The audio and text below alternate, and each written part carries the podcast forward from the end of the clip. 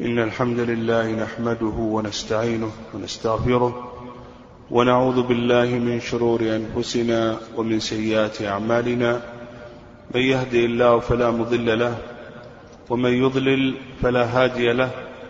وأشهد أن لا إله إلا الله وحده لا شريك له وأشهد أن محمدا عبده ورسوله. اللهم صل وسلم وبارك على نبينا محمد وعلى آله وأصحابه ومن تبعهم بإحسان إلى يوم الدين. اللهم إنا نسألك الهدى والتقى والعفاف والغنى. اللهم علمنا ما ينفعنا وانفعنا بما علمتنا. وزدنا علما يا عليم يا حكيم. وبعد أيها الأحبة في الدرس السابق تطرقنا لجملة من المسائل المستجدة المتعلقة بفقه الزكاة. وذكرنا من هذه المسائل زكاة الأوراق النقدية وتكييف هذه السندات النقدية شرعا. وما هو النصاب لهذه الأوراق؟ ثم بعد ذلك تطرقنا لكيفية زكاة الرواتب. ثم بعد ذلك تطرقنا لزكاة مكافأة نهاية الخدمة. وهل تجب الزكاة في هذه المكافأة التي يحصل عليها الموظف عند انتهاء عمله سواء كان انتهاء عمله بسبب التقاعد أو بسبب الوفاة أو بسبب آخر من الأسباب؟ وكذلك أيضا تطرقنا لزكاة الأجرة وكيف تزكى الأجرة ومتى يبدأ الحول لها وهل يشترط الحول للأجرة أو لا يشترط؟ إلى آخره تكلمنا على هذه المسألة. كذلك أيضا تكلمنا عن زكاة الأموال المحرمة. وهل تجب الزكاة في الأموال المحرمة؟ أو أن الأموال المحرمة لا تجب فيها الزكاة؟ وذكرنا أن الأموال المحرمة تنقسم إلى قسمين. القسم الأول أموال تحريمها لعينها بمعنى أن عينها وذاتها محرمة كالخمر والخنزير والدخان ونحو ذلك. وذكرنا أن هذه الأموال لا زكاة فيها باتفاق الأئمة. والقسم الثاني الأموال المحرمة لكسبها وهي التي تجمعت عند الشخص بسبب كسب محرم كما لو تعامل بالربا أو تعامل ببيع المحرمات ونحو ذلك فتوفرت عنده هذه الأموال فهل تجب عليه الزكاة فيها؟ أو نقول بأن هذه الأموال المحرمة لا زكاة فيها.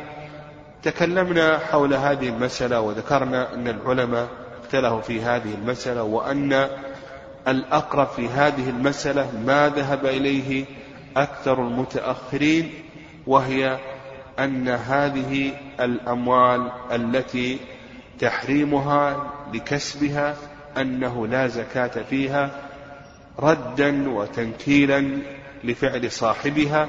لحديث أبي هريرة رضي الله تعالى عنه أن النبي صلى الله عليه وسلم قال إن الله طيب لا يقبل إلا طيبا. وتطرقنا أيضا للأموال العامة. هل تجب الزكاة في الأموال العامة أو أن الزكاة لا تجب في الأموال العامة؟ كأموال الدولة وكذلك أيضا أموال جمعية البر وجمعية تحفيظ القرآن ونحو ذلك. وتطرقنا أيضا لزكاة الأموال الموقوفة. هل تجب الزكاة في الأموال الموقوفة أو لا؟ وذكرنا أن الأموال الموقوفة تنقسم إلى قسمين. القسم الأول أموال وقفت على جهات عامة. فهذه ذكرنا أنه لا زكاة فيها كما لو كان الوقف على المساجد أو على مسجد أو على طلاب علم أو على الفقراء أو المساكين ونحو ذلك. فهذه الأموال التي وقفت على جهات عامة هذه لا زكاة فيها.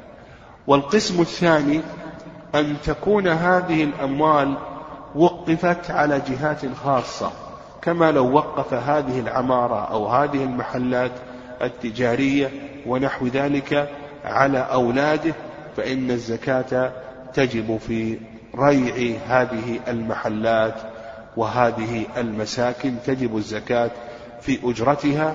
وقد بينا كيفية إخراج زكاة الأجرة. بقي عندنا في هذا الدرس جملة من المسائل فمن المسائل التي سنقوم بطرقها ما يتعلق بزكاة الأسهم والسندات وكذلك أيضا سنتطرق لزكاة المصانع والورش. هل تجب الزكاة في هذه المصانع وفي هذه الورش أو أن الزكاة لا تجب فيها؟ وكذلك أيضا سنتطرق لإعطاء الفقير من أموال الزكاة ما يتزوج به أو إعطاء الفقير من أموال الزكاة ما يشتري به سيارة أو إعطاء الفقير من أموال الزكاة ما يشتري به بيتا يسكنه. سنتطرق لهذه المسائل إن شاء الله. وكذلك أيضا, أيضا سنتطرق إن أسعفنا الوقت إلى حكم استثمار أموال الزكاة بمعنى المضاربة في أموال الزكاة والمتاجرة فيها وتنميتها. هل هذا جائز أو نقول بأن هذا ليس جائزا إلى آخره؟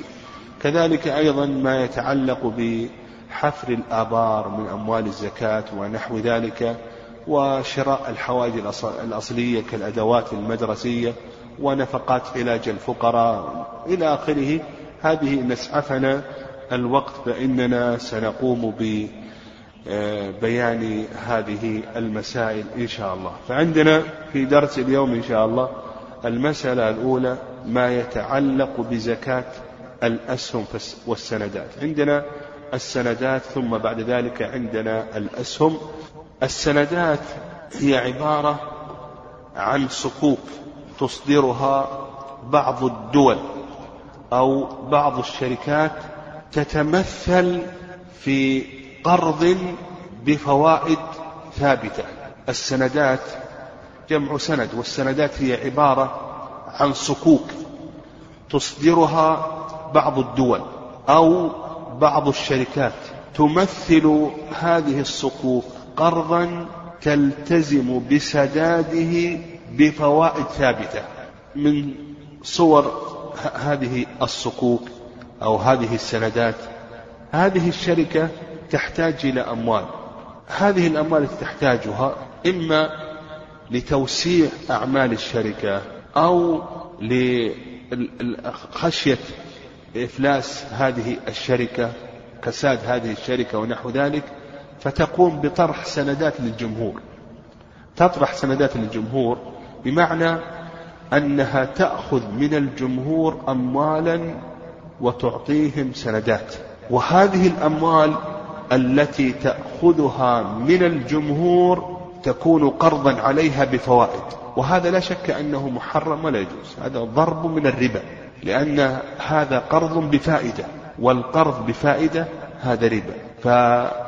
فمالك السند إذا أخذ هذا السند وأعطى هذه الشركة جملة من المال على أن تعطيه على أنه قرض في ذمتها تعطيه عليه فوائد. هذا ال ال آه هذه السندات هل تجب فيها زكاة أو لا تجب فيها زكاة؟ فصورة هذه المسألة أن بعض الدول تحتاج إلى سيولة تحتاج إلى أموال أو بعض الشركات تحتاج إلى أموال. فتقوم بطرح هذه السندات للجمهور. الجمهور يشترون هذه السندات بدراهم. هذه الدراهم هي قرض لهذه الشركة ولهذه الدولة قرض تلتزم بسداده بفوائد.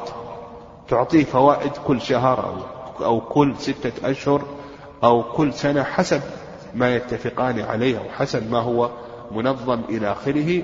فنفهم أيها الأحبة أن هذه السندات هي عبارة عن قروض بفوائد. هذا العمل محرم ولا يجوز؟ لا إشكال في ذلك لأن كل قرض بفائدة آه، آه، محرم ولا يجوز لأن كما جاء عن الصحابة رضي الله تعالى عنهم وكما جاء عن النبي صلى الله عليه وسلم النبي عليه الصلاة والسلام يقول من باع بيعتين في بيعة فله أوكسهما أو الربا ولا يحل سلف وقرض إلى آخره. وهذا واضح معروف إلى آخره. بل العلماء يتفقون على ذلك على أنه إذا كان هناك شرط من المقرض على المقترض أنه يعطيه فائدة أن هذا ضرب من ضروب الربا. فتبينت لنا صورة السندات. البحث في هذه المسألة فيما يتعلق بزكاة هذه السندات من وجهين. الوجه الأول زكاة الديون. هل تجب الزكاة في الديون أو لا؟ لأن هذه السندات هي عبارة قروض عبارة قروض لهذه الشركة. الوجه الثاني والمسألة الثانية التي نحتاج إلى بحثها وهي الأموال المحرمة هل تجب فيها الزكاة؟ أو لا تجب فيها الزكاة لأن هذه السندات قروض بفوائد. فعندنا هذا السند قيمته مثلا عشرة آلاف ريال وفوائده في السنة آه، خمسمائة ريال. قيمة هذا السند عشرة آلاف وفوائده خمسمائة أو فوائده ألف ريال. نحتاج أن ننظر إلى أصل السند عشرة آلاف ريال. هل فيها زكاة أو لا؟ الفوائد الربوية هذه هل فيها زكاة أو لا؟ فنحن بحاجة إلى بحث مسألتين. المسألة الأولى زكاة الديون. المسألة الثانية الزكاة في الأموال المحرمة. زكاة الديون من أجل أن نبحث أصل المال عشرة آلاف هذه هل فيها زكاة أو لا؟ زكاة الأموال المحرمة من أجل أن نبحث في الفوائد هذه. هل تجب فيها الزكاة؟ أو نقول بأن هذه الفوائد لا تجب فيها الزكاة. فعندنا المسألة الأولى وهي ما يتعلق بزكاة الديون. زكاة الديون هذه اختلف فيها العلماء رحمهم الله. والعلماء رحمهم الله يقسمون الديون إلى ثلاثة أقسام. دين على مليء باذل يعني على إنسان يقدر على سداد الدين وهو باذل غير جاحد وغير مماطل. القسم الثاني دين على معسر أو على مليء غير باذل. إما أن يكون جاحدا وإما أن يكون مماطلا. القسم الثالث ديون مؤجلة. القسم الثالث ديون مؤجلة. فالديون أيها الأحبة تنقسم إلى هذه الأقسام الثلاثة. دين على مليء باذل دين على معسر أو مليء مماطل جاحد ديون مؤجلة. هل تجب الزكاة في هذه الديون بأقسامها الثلاثة؟ أو نقول بأنه لا تجب فيها الزكاة. هذا موضع خلاف من عهد الصحابة إلى وقتنا الحاضر. والصواب في هذه المسألة يعني الصواب في هذه المسألة التفصيل. الصواب في هذه المسألة التفصيل. العلماء رحمهم الله اختلفوا في ذلك خلافا كثيرا ولو أردنا أن نستعرض خلاف العلماء رحمهم الله تعالى وأدلتهم لطال, لطال بنا المقام. لكن نقول الخلاصة في ذلك أن زكاة الديون تنقسم إلى قسمين. إن كانت هذه الديون على مليء باذل يعني على شخص يقدر على الوفاء وهو ليس مماطلا ولو كان الدين مؤجلا فهذا تجب زكاته كل عام. وأنت بالخيار. إن شئت أن تزكي كل عام بعامه وإن شئت أن تنتظر حتى تقبض فتزكي عن جميع الأعوام.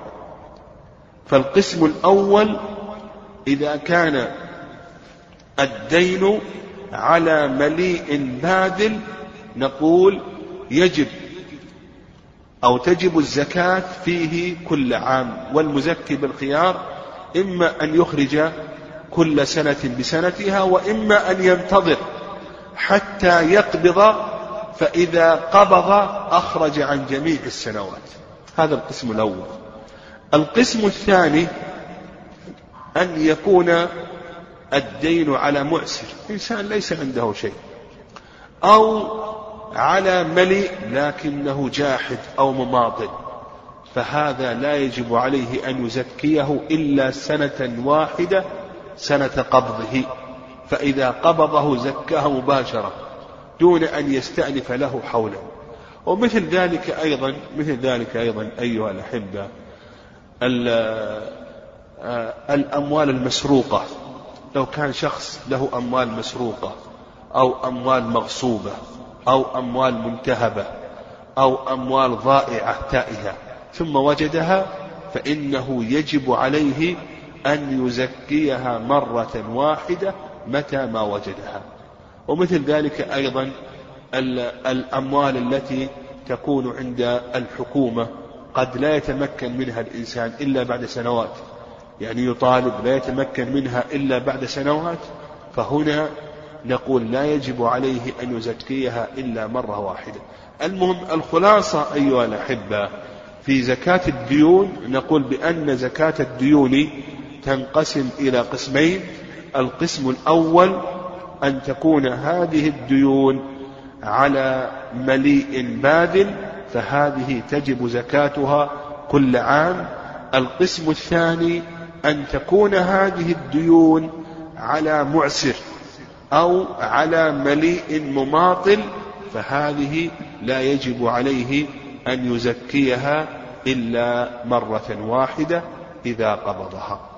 عندنا الآن ما يتعلق بهذه السندات وذكرنا أن هذه السندات قروض لهذه الدول أو هذه الشركات بفوائد. الآن بالنسبة للدولة هل هي معسر أو مليء باذل؟ بالنسبة لهذه الشركة هل هي من القسم المعسر أو من قسم المليء الباذل الملاحظ الغالب أن هذه الشركات وهذه الدول أنها من القسم الأول أنها من المدين الباذل نعم من المدين الباذل يعني هي لا تجحد هذا المال ولا تماطل في بذله لصاحبه بل هي من من المدين الباذل وعلى هذا نقول يجب عليه أن أن يزكي أصل هذا المال كل عام. أصل هذا المال يجب عليه أن يزكيه كل عام. بقينا في الفوائد. الفوائد المرتبة على هذه الأموال. كما ذكرنا أنها قروض بفوائد. هل تجب الزكاة في هذه الفوائد التي يستفيدها صاحب هذا السند؟ أو نقول بأن الزكاة لا تجب عليه إلى آخره. هذا كما تقدم لنا ينبني على ما ذكرنا في الدرس السابق وهو أن الأموال المحرمة سواء كان تحريمها تحريما عينيا أو كان تحريمها تحريما كسبيا لكسبها أنه لا تجب فيها الزكاة. وعلى هذا نقول هذه الفوائد التي تأخذها بسبب الربا هذه لا زكاة فيها لأن الله طيب لا يقبل إلا طيبا. ويبقى أصل هذا المال أصل هذا القرض يجب عليك أن تزكيه. هذا ما يتعلق أيها الأحبة بزكاة السندات.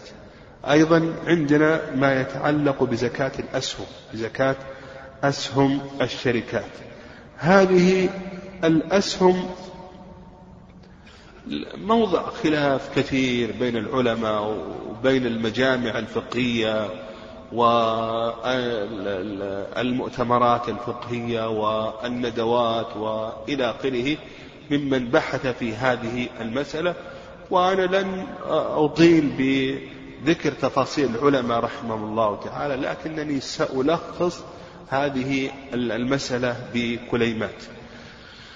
السهم في اللغة النصيب والحظ السهم في اللغة النصيب والحظ. وأما في الاصطلاح فالسهم عبارة عن صك يمثل حصة شائعة في رأس مال الشركة. عبارة عن صك يمثل حصة شائعة في رأس مال الشركة.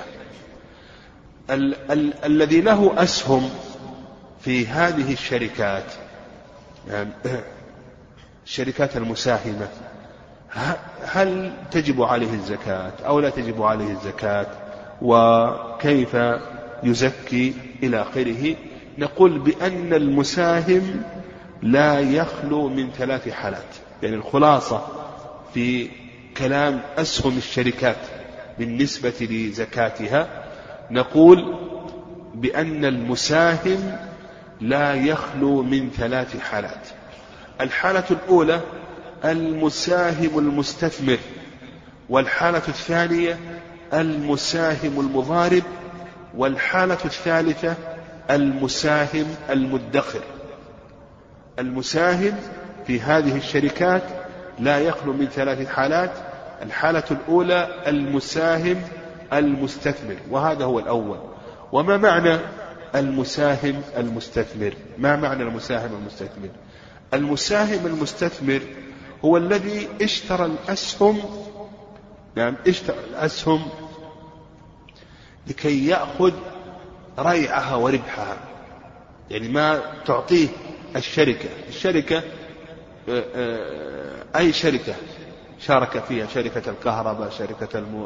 الاتصالات شركة كذا وكذا إلى آخره توزع على شركائها على المساهمين فيها توزع عليهم أرباحا.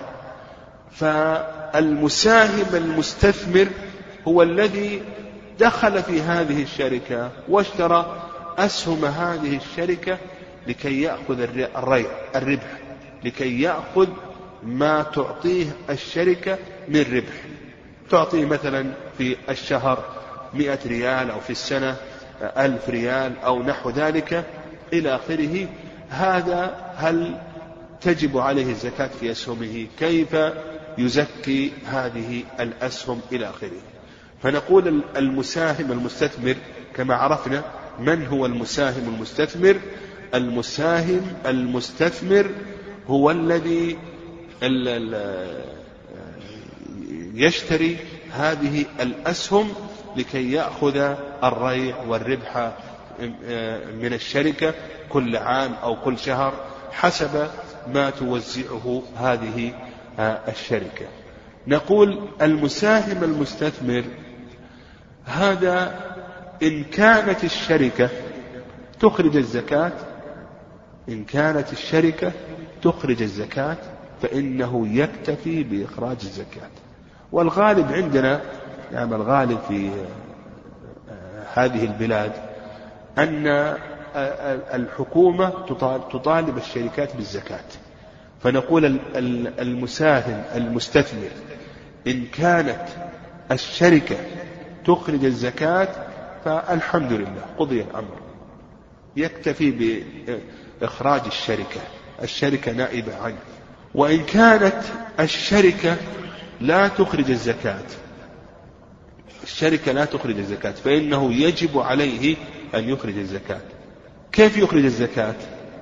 ينظر إلى زكاة الشركة ويقسم هذه الزكاة زكاة الشركة يقسمه على عدد الأسهم. مثلا زكاة الشركة مليون والأسهم مليون فيقسمه على مليون. مليون على مليون يساوي ريالا واحدا.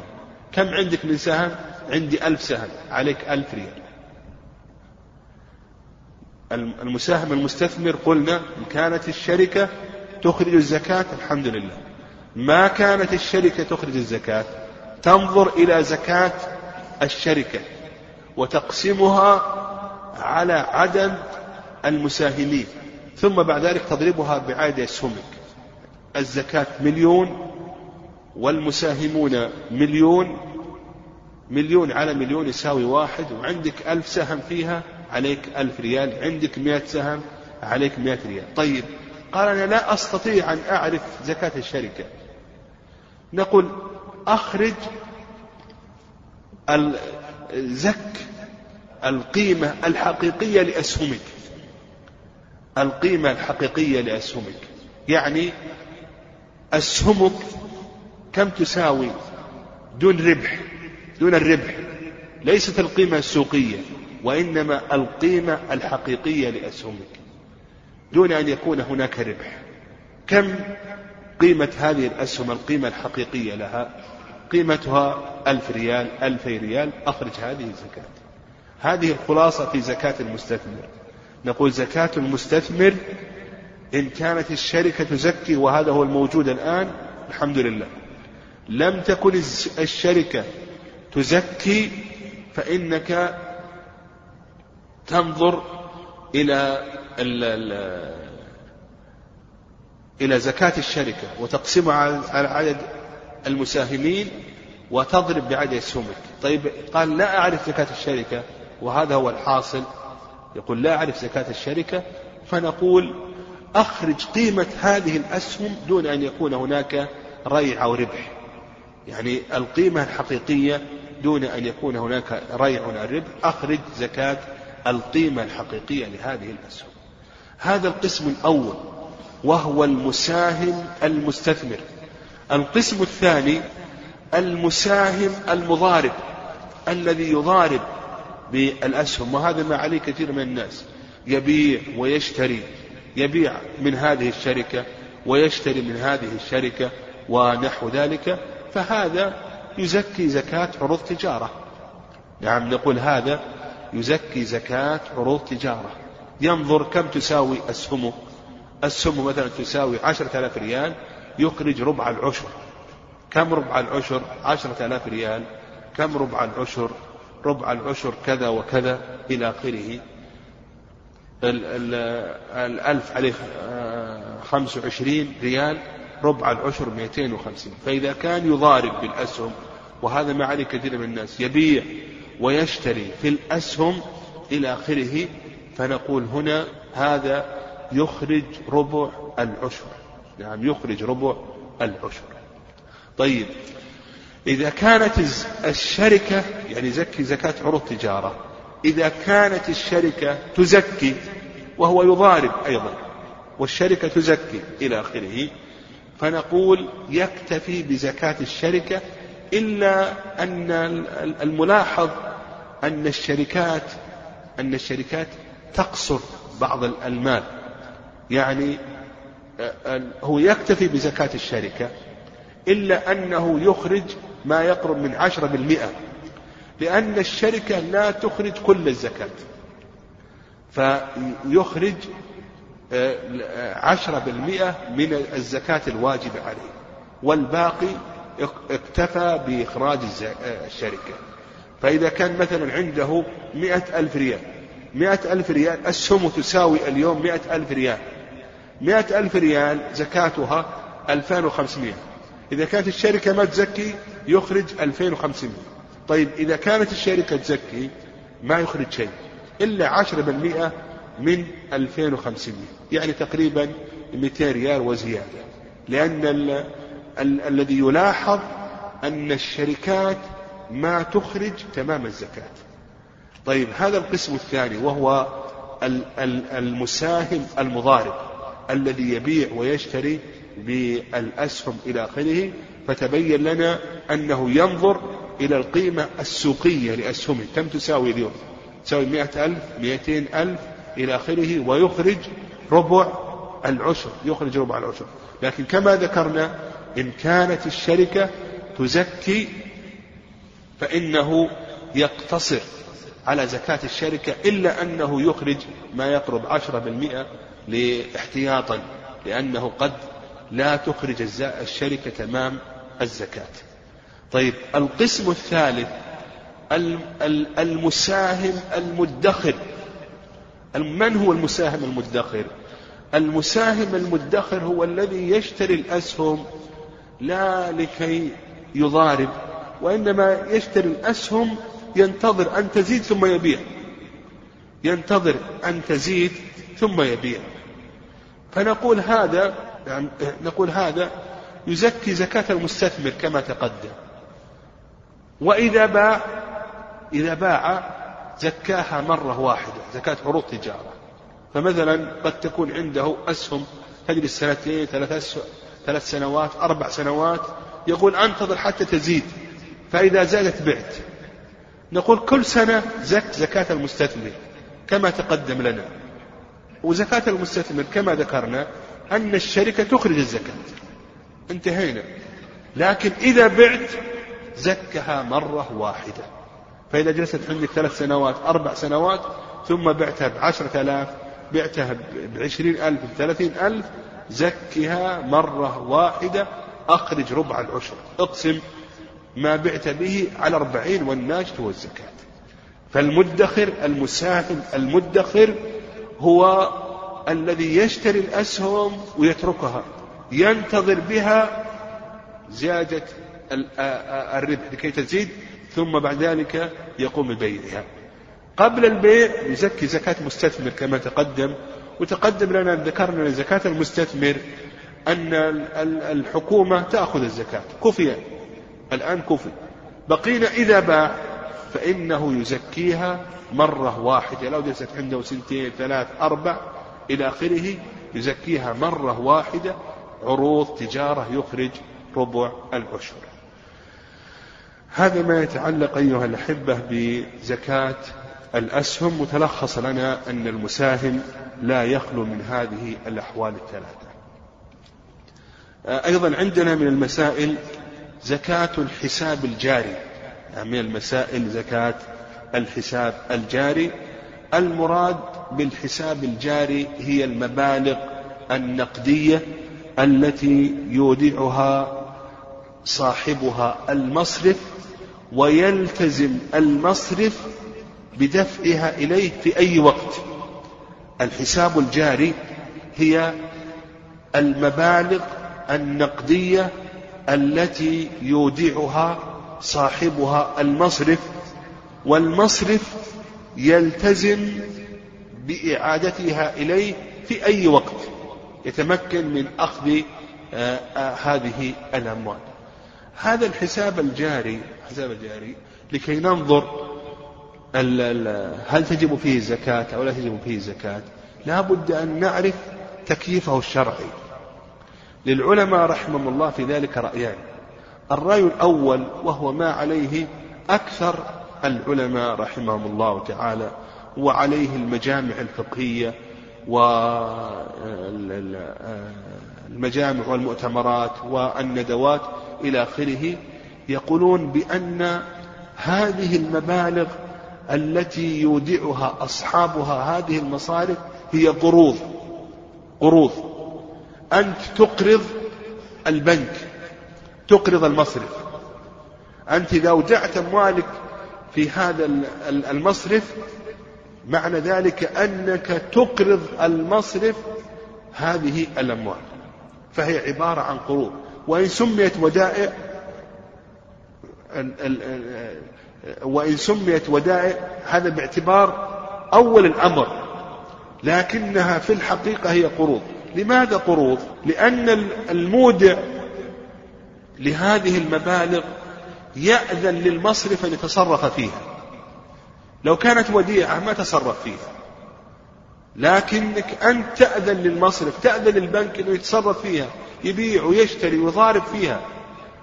والعلماء رحمهم الله يقولون بأن المودع إذا أذن للمودع أن يتصرف في الوديعة فإنها تنقلب من كونها وديعة إلى كونها قرضا. فنقول ادعى أنها قروض أن المودع يأذن للمودع أن يتصرف فيها.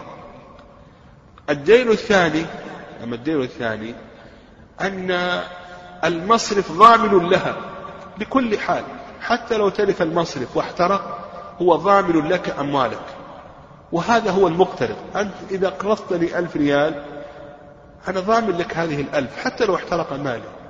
أنت مالك ومالي اللي احترق. لو كانت وديعة واحترقت هذه الوديعة أو تلفت ما أضمنها إلا إذا تعديت وفرطت. فالمصرف هذا ضامن لهذه الوديعة لهذا المال مما يدل على أنه ليس وديعة وإنما هو نعم وإنما هو قرض. نعم وإنما هو قرض. الدين الثالث أن القرض أن حقيقة القرض ينطبق عليها. القرض هو بذل مال لمن ينتفع به ويرد بدله. وهكذا أن تبذل المال لهذه المصارف وترد عليك بدله. بخلاف الوديعة الوديعة أنك تبذل المال لمن يقوم بحفظها. نعم لمن يقوم بحفظها. فتبين لنا أيها الأحبة أن هذه الأموال التي يودعها أصحابها هذه المصارف أنها عبارة عن قروض وليست ودائع وليست ودائع. وحينئذ يأتينا ما سبق أن تكلمنا عليه وهي زكاة الديون. هل تجب الزكاة في الديون أو لا تجب الزكاة في الديون؟ وذكرنا أن الدين إذا كان على مليء باذل فإن الزكاة تجب فيه. وهذه المصارف الآن مليئة. وأيضا هي باذلة ليست مماطلة ولا جاحدة. وحينئذ تجب الزكاة في هذه الأموال التي تكون في هذه المصارف. نعم تجب الزكاة في هذه الأموال التي تكون في هذه المصارف. لكن كيف تزكى هذه الأموال؟ لأن الإنسان قد يضيف مال وقد يأخذ إلى آخره. هذه زكاتها كما أسلفنا في رواتب الموظفين. وقلنا أحسن شيء نعم أحسن شيء. لأن كون الإنسان عنده مال الآن في المصرف ثم جاءه راتب ووضعه عليه ثم جاءه هبة وضعه عليه. كونه بيحسب حول لهذا المال وحول لهذا الراتب وحول لهذا الراتب وهذه الهبة هذا فيه مشقة عليه. فيه مشقة عليه. والأحسن كما سلف نعم كما سلف كما قلنا في آه، زكاة الرواتب نعم كما قلنا في زكاة الرواتب. الأحسن أن المسلم يحدد له وقتا في العام وينظر إلى ما تجمع في هذا آه، الحساب. كم تجمع في هذا الحساب؟ وحينئذ يخرج ربع العشر فما حال عليه الحول أخرج زكاته. ما حال عليه الحول أخرج زكاته. وما لم يحل عليه الحول فإنه يكون قد عجل زكاته. وتعجيل الزكاة نعم تعجيل الزكاة هذا جائز ولا بأس به.